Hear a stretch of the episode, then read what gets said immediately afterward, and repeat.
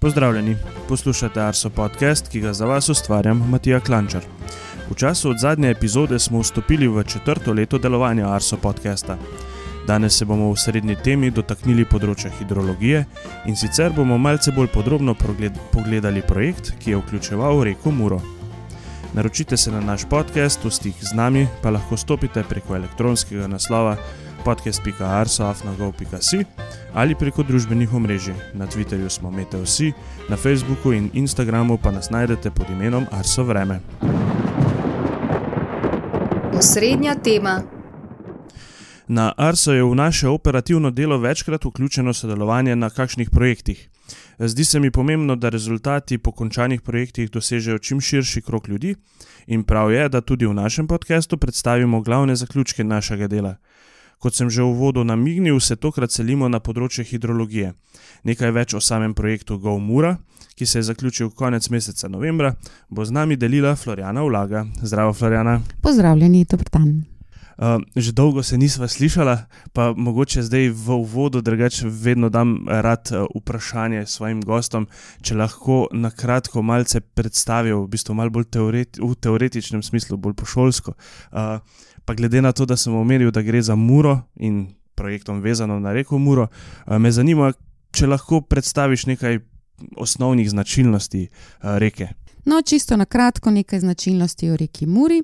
Izvira v sosednji Avstriji, teče skozi Slovenijo, nekako 70 km je na našem ozemlju, potem nadaljuje svojo pot na Hrvaško in se izlije v reko Dravo na Mačarskem ima nekako značilen alpsko-snežno-držni pretočni režim, kar pomeni, da ima najviše vode pričakovano maja, junija, spomladi, pogosto pa se ob neurih vodostaj oziroma pretok poveča tudi v avgustu in septembru. Tako smo največji pretok zabeležili ravno septembra 2014, okoli 1400 kubikov v Gorni Radguni, kjer je naša vodomerna postaja.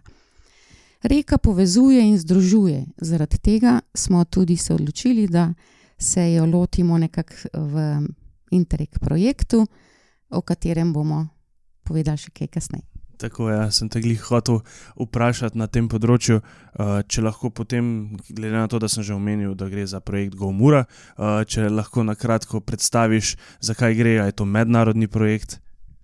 Ja, to je mednarodni projekt v sodelovanju Slovenije in Avstrije. Pravzaprav celoten naslov projekta je Čezmeni načrt za inovativno trajnostno upravljanje mejne mure in izboljšanje obladovanja poplavne ogroženosti. Ker je pač naslov precej kompleksen, smo ga poimenovali kar krajše GoMura. In še mogoče, da razložim ta akronim. Prej sem že omenila povezovanje in trajnost. In tako tudi v akronimu lahko zaznamo nekako to povezanost GOV kot Gorna Radgona, MUR kot Mura in RA kot Radgensburg oziroma Avstrijska Radgona. Zdaj pač projekt je bil financiran sredstvi Evropskega sklada za regionalni razvoj, 85% je ta udeležba subvencionirana, tako da je bil naš delež, bom rekla, finančno nekoliko manjši. Mogoče kot zanimivost, Slovenija in Avstrija so tukaj nastopili kot enakovredna partnerja, torej tudi po finančni plati. In moram reči, da smo se tega že na začetku projekta zelo razveselili, in zdaj, in tudi skozi trajanje, vse trajanje projekta, smo dobro sodelovali. Kako pa je sploh prišlo do pobude za začetek sodelovanja? Ja, pobuda je pravzaprav bila živa nekako že dolgo. No? Vse skupaj se je dogajalo v okviru mednarodne, torej bilateralne komisije za reko Muro med Slovenijo in Avstrijo, in to je samo nadaljevanje sodelovanja, ki pač je že 60 let nekako aktualno.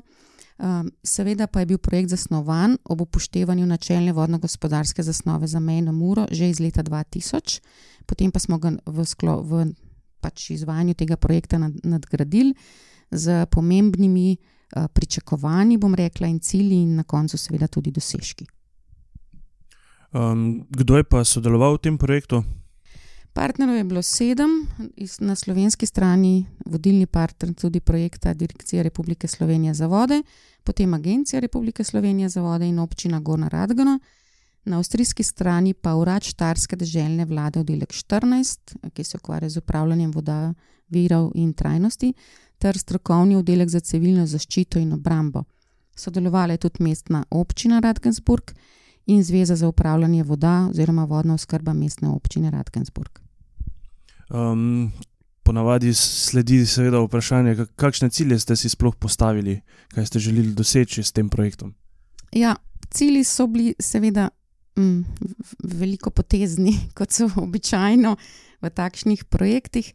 Se pravi, najprej kot cilj in potem kasneje tudi moram reči, ker se je projekt že zaključil, dosežek analize obstoječega stanja mejne mure, potem mm, večji strateški eh, cilj povečanje poplavne varnosti Gorne Radgone z nadvišanjem protipoplavnega zidu in ob tem tudi urejanje krajine na obeh stranih Mure, se pravi na avstrijski in na slovenski. Potem priprava in nadgradna načrta zaščite in reševanja za primer poplav mejne Mure in kot uh, nekako najbolj, najbolj um, strokovno utemeljen tudi načrt upravljanja mejne Mure do leta 2030 ki je namenjen ustreznejšemu upravljanju s tem venim vodotokom, ter s tem tudi k izboljšanju stanja voda. Ne samo zdaj, ravno uh, pač na tem odseku, gre namreč projekt se izvajal na 34 km odseka mejne mure med Avstrijo in Slovenijo, ampak v skladu s pričakovanji načrtom ne bi potem ta vpliv. Izvedbenih del imel, seveda, tudi pripomorel k izboljšanju stanja, tudi dol vodno. Uh, glede na omenjene cilje, uh, si mislim, drugač, da ste si v bistvu te cilje tudi porazdelili, oziroma naloge. No? Uh, pa me zanima, recimo, glih malo bolj konkretno, kakšna naloga je bila pa uh, na naši agenciji, kaj smo pa mi uh, bili odgovorni vem, pri tem projektu. Ja, seveda. Zdaj, Arso je, imel pač, je bil nekako zadolžen ali kako nosilec enega sklopa teh aktivnosti in sicer pretežno z področja hidromorfologije. Torej, sodelovali smo tudi pri pripravi obeh prej omenjenih načrtov za zaščito in reševanje in tudi za upravljanje mene more, ampak naše področje je bilo zlasti z vidika hidromorfologije.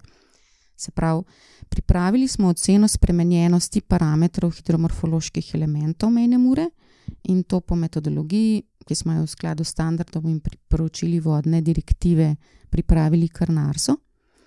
Potem s to um, oceno spremenjenosti teh hidromorfoloških parametrov smo potem pripomogli k pripravi načrtov v nadaljni fazi, ne, se pravi pri pripravi ukrepov, ki naj bi sledili v nadaljevanju uh, projekta Gomura.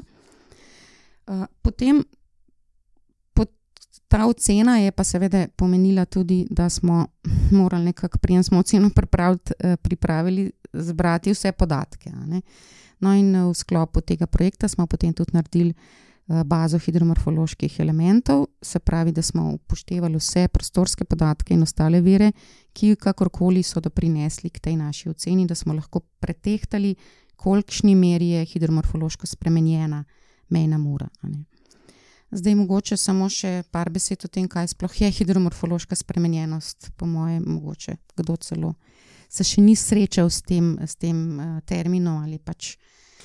Torej, hidromorfološka spremenjenost vodotoka predstavlja odstopanje hidroloških značilnosti in morfoloških lastnosti rečne struge, brega ter poplavne ravnice od naravnega stanja. Ne, ta indeks hidromorfološke spremenjenosti za ta odsek mejne mure, ki smo ga pripravili, uh, opredeli to vodno telo kot zmerno spremenjeno se pravi, ocena spremenjenosti celo vseh hidromorfoloških elementov kaže na močno spremenjenost kontinu, kontinuitete toka in sedimentov in zmerno spremenjenost morfoloških značilnosti vodnega telesa. Torej, ne gre zdaj za uh, drastične spremembe, vendar uh, velik problem je pač kontinuiteta sedimentov. Uh, hidrološko pa ta segment ni toliko zelo, bi rekla, spremenjen, se pravi, hidrološki režim ostaja uh, tak, kot smo ga pričakovali. Dost logična posledica, oziroma moje naslednje vprašanje je, uh, kakšni so bili rezultati, kaj ste kaj uh, ugotovili, ste se mogoče srečali s kakšnimi problemi. Torej, s problemi se vedno srečujemo nekako, ampak tam so zato, da jih rešimo. Uh, ja, problemi so bili pretežno narave, da um, pomankanje podatkov ne, za, za pravilnejše vrednotenje in za mogoče tudi uh, na, napake pri teh podatkih. Ne. In tudi potem pri kreiranju baze se to zelo dobro opazi. Uh, se pravi, da rezultat je uh, pogosto, bom rekla, tudi popravljen z obiskom terena. Uh, treba se prav konkretno ukvarjati s posameznim rečnim odsekom. Ne. In to je bil, bi rekla, problem. Kar se pa tiče um, izvajanja projekta, pa sodelovanja s partnerji, pa uh, smo imeli zelo v redu uh, komunikacijo in sodelovanje, in kakšnih večjih problemov res nismo imeli. Um, ste si mogoče postavili tudi kakšne načrte za prihodnost, neko nadaljne sodelovanje? Omenila si sicer, da imate načrt upravljanja z reko Muro do 2030, uh, je mogoče to ta cilj oddaljen? Ja, ta cilj je nekoliko daljen, čeprav mogoče pa niti ne. ne? Eh, skratka, v sklopu celotnega projekta in tega načrta smo predlagali ukrepe za izboljšanje ne samo mene mure, pač pa tudi mlinščic in menih eh, teh rokavov. Eh, torej, vsaj vzdrževanje zdajšnjega ekološkega stanja in ne poslabšanje. In seveda iz tega naslova smo razvili tudi neke strategije, ki bojo podlaga za prihodne projekte in za prihodne ukrepe na meni Muri, uh, pač seveda ob nekem iskanju sodelovanj, sinergij in preprečevanju konfliktov um, vseh udeležencev, ne zdaj samo inštitucij, ki izvajo projekte, vendar tudi uh, pač vseh deležnikov na tem območju. Uh, še morda za konec, uh, če bi poslušalce, naše poslušalce zanimalo kaj več o tem projektu, si morda lahko ogledajo jih, kje je na spletu, kje lahko najdejo, mogoče vem, razne brošure ali pa kakšne videoposnetke, če ste jih vmes naredili. Ja, eh, moram reči, da smo naredili kar neko bogato zbirko eh, rezultatov, tudi videoposnetkov, vseh informacij o poteku projekta, ne samo o finančni plati, ampak tudi nekako eh, delovnih nalogah in seveda tudi z vsemi zaključki, lahko najdete na spletni strani projekta gomura.eu. Je v spletni strani v slovenščini in tudi v nemščini, tako da lahko vsak deležnik prebere tisto, kar ga zanima. Zraven pri podkastu bomo pa tudi dodali ta spletni naslov, tako da boste imeli malce lažje delo, e, e, da ne boste zgrešili enega roja v, v spletnem naslovu, kot sem ga jaz, recimo pred današnjim dnevom. Aha, ja, to pa res je. G-O-M-U-R-R. uh, ja, super akronimno. Uh, potem se si ga lepo razložila prej v enem izmed prvih vprašanj. Uh, Floriana, najlepša hvala za tvoj obisk v Arso podcastu in pa za tale pogovor. Hvala tudi tebi, Matija, me je veselilo. Obeti. Kakšno bo vreme v naslednjih dneh, nam bo zaupala Veronika Hladnik za Kotnik. Po sneženju pretekli teden so dnevni hodi temperature ostali majhni, marsikje je bila temperatura zraka celo pod povprečjem za ta čas, zato velik del države še vedno prekriva vsaj nekaj centimetrov debela snežna odeja.